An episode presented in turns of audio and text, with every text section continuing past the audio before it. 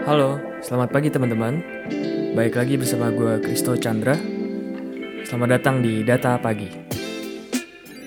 Jumlah investor saham Indonesia di tahun 2021 kemarin naik hampir 100% dari 3,8 juta orang investor di tahun 2020 menjadi 7,3 juta investor di tahun 2021. Gak cuma di saham, aset kripto pun jumlah investornya naik dan jumlahnya nggak main-main.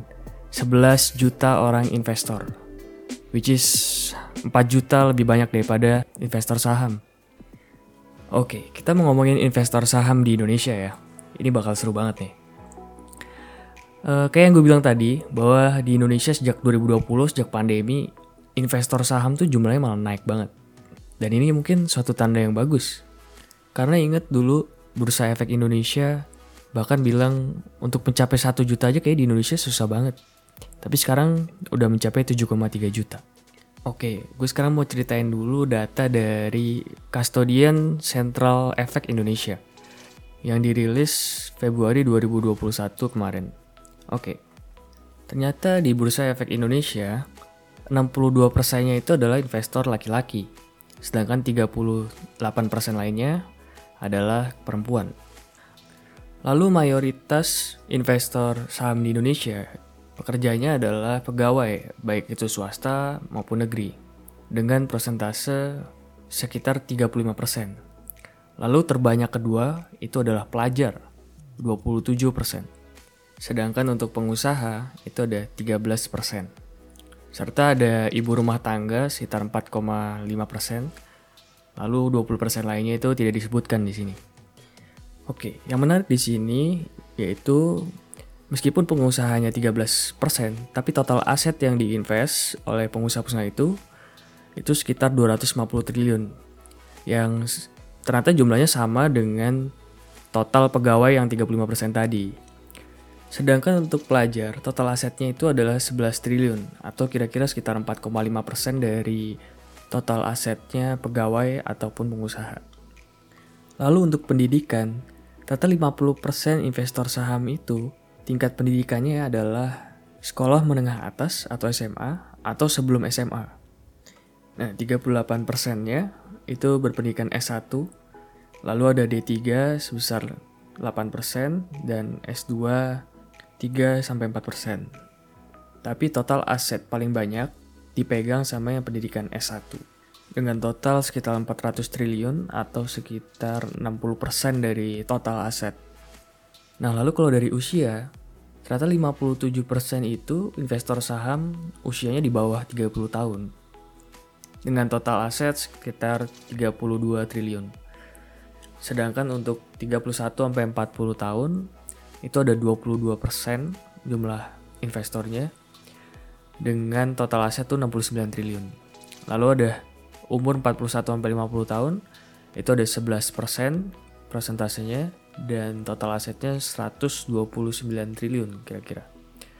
Lalu di umur 51 sampai 60 tahun itu ada 6% total dan asetnya itu 186 triliun. Dan yang di atas 60 tahun ini yang uh, jumlahnya sekitar 3%, 3 sampai 4%, tapi memiliki total aset yang emang paling banyak yaitu 407 triliun kira-kiranya.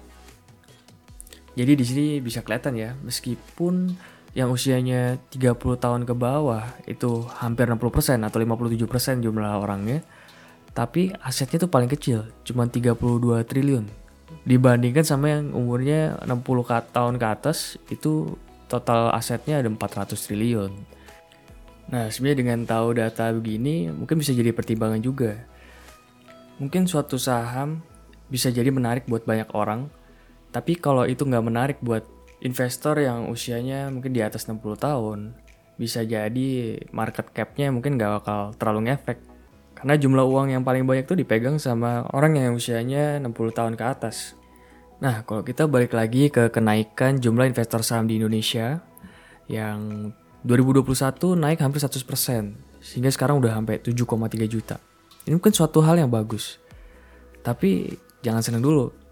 Karena ternyata kalau kita proporsiin 7,3 juta orang itu cuman sekitar 2,5% sampai nggak sampai 3% gitu. Sedangkan kalau kita bandingkan negara Malaysia aja tetangga kita itu ternyata katanya proporsinya sampai 32% investor sahamnya dibanding populasi ya. Lalu kayak misalnya nih USA itu udah sampai 55% lebih. UK 33%, China yang penduduknya baik banget itu 13%. Jadi Indonesia tuh sebenarnya masih diharapkan untuk bisa ningkatin proporsi investornya. Meskipun sekarang udah bagus menunjukkan kemajuan dengan kenaikan yang luar biasa juga. Nah, di samping dari saham, gue juga mau bahas tadi sempat gue mention yaitu tentang kripto. Yang meskipun baru, tapi jumlah investornya ternyata udah 11 juta. Yaitu 4 juta lebih banyak daripada investor saham. Dan investor kripto ini emang didominasi sama orang-orang usia 18 sampai 24 tahun yang proporsinya sekitar 35%. Lalu 31% lainnya itu usia 25 sampai 34 tahun. Jadi 60%-nya emang di sekitar 18 sampai 34 tahun. Dan ternyata di akhir 2021 kemarin volume transaksi cryptocurrency di Indonesia itu mencapai 860 triliun atau sekitar 2,3 triliun per hari lah itu naik 636% dari tahun sebelumnya. Dan kalau dibandingin sama volume transaksi saham di Indonesia yang mungkin sekitar 13 triliun per harinya, itu berarti kalau kripto itu sekitar 17% dibandingin transaksi saham. Ini menarik banget, jadi ternyata jumlah investor kripto nih jauh lebih banyak ya. Dan kalau gue lihat itu di coin market cap itu ada dua crypto exchange yang terkenal di Indonesia yang masuk top 50-nya di coin market cap berdasarkan exchange score-nya dia yaitu ada toko kripto di urutan 39 dan Indodax di urutan 42. Oh iya, exchange score ini dihitung berdasarkan volume transaksinya, weekly visit, dan ada beberapa kriteria lain sih. Oke, tapi pada intinya cerita data tadi yang di awal udah gue sebutin, sebenarnya mungkin lebih ngarah ke ternyata di Indonesia tuh kripto lebih populer ya mungkin ya daripada saham. Khususnya untuk generasi yang usianya di bawah 40 tahun. Nah, gue mungkin mau sharing sedikit tentang ini. Jadi kalau ngomongin cryptocurrency, gue udah cerita waktu itu uh, gue pernah lagi cerita-cerita sama teman gue karena kita lagi ngomongin satu koin yang lagi rame banget dibicarain gitu. Lalu teman gue ngerasa panas gitu, dia bilang ah koin apa sih? Ya udahlah gue coba beli daripada kalian ngomong ngomongin apa gue kagak ngerti katanya gitu. Akhirnya dia belilah gitu kan dikit. Terus ternyata bener nggak sampai dua hari bahkan kayak cuma sehari itu profitnya udah kayak 50% dia dapat kalau di crypto untung 50% minus 50% tuh udah biasa juga ya. Nah tapi besokannya dia bilang ke gue dia nggak bilang yes untung 50% gitu sih. Cuman dia malah bilang aduh gue nyesel gue cuma masukin dikit. Nah yang terjadi adalah besokannya dia ternyata invest lagi dengan jumlah yang lebih banyak. Tahu taunya koin itu turun seturun turunnya ya karena dia ngerasa rugi dia nggak mau apa turun lebih banyak lagi ya akhirnya dia jual juga gitu kan tapi yang pasti jadinya total ruginya jadi lebih banyak. Emang teman gue ini emang belum pernah invest apa pun sih selain di kripto. Dia nggak pernah ke saham nggak pernah ke mana-mana. Dia langsung invest ke kripto gitu. Karena emang tergiur dengan berita-beritanya. Yang pastinya lebih banyak tersebar yang positif-positif kalau di berita-berita. Sedangkan yang negatifnya nggak terlalu di expose lah. Ya wajar sih tapi setelah tahu fakta-fakta tadi sebenarnya ada beberapa hal yang membuat gue concern karena ngelihat hype cryptocurrency yang lagi terjadi sekarang ini. Concern gue yang pertama yaitu sebenarnya di benak hati gue, gue ingin bertanya gitu, apakah para investor muda ini benar-benar ngerti perbedaan invest di saham sama di kripto, terutama tentang utilitasnya gitu. Kalau kita invest di saham, kita invest di perusahaan. Duit kita yang kita invest Misalnya kita invest kayak Unilever atau Indofood. Nanti perusahaan itu bakal gunain itu sebagai modal yang nantinya akan diproduce uh, berupa mungkin Indomie atau produk-produk lain yang bisa kita lihat lah di masyarakat, bisa menghasilkan value. Tapi kalau kita invest di kripto, itu kan lebih ke aset digital. Atau sama aja kayak kita mungkin invest emas. Kalau kita invest emas, kita beli emas, emasnya kan nggak ngapa-ngapain. Cuman jadi satu aset aja. Jadi kira-kira kan seperti itu. Atau paling nggak invest di uh, koin yang ada projectnya gitu kan. Tapi apakah orang-orang yang invest ini benar-benar ngerti project dari cryptocurrency sendiri itu? Karena kayak kasus teman gue tadi, dia cuma ngerasa itu rame, harganya bakal naik, ya mungkin itu doang yang jadi penyebabnya dia beli gitu. Gue bukannya anti kripto loh ya, karena gue sendiri punya a big interest in blockchain technology sebenarnya.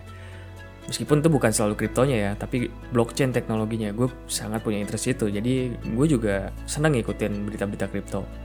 Cuman balik lagi tadi, utilitasnya. Jadi kalau ditanya instrumen investasi yang sekaligus bisa bantu negara, membantu perekonomian, ya kita tahulah jawabannya apa. Lalu concern gue yang kedua juga, yaitu adalah pengaturan risk. Yang namanya risk emang nggak bisa dihindari, tapi risk bisa dikalkulasi atau diperkirakan.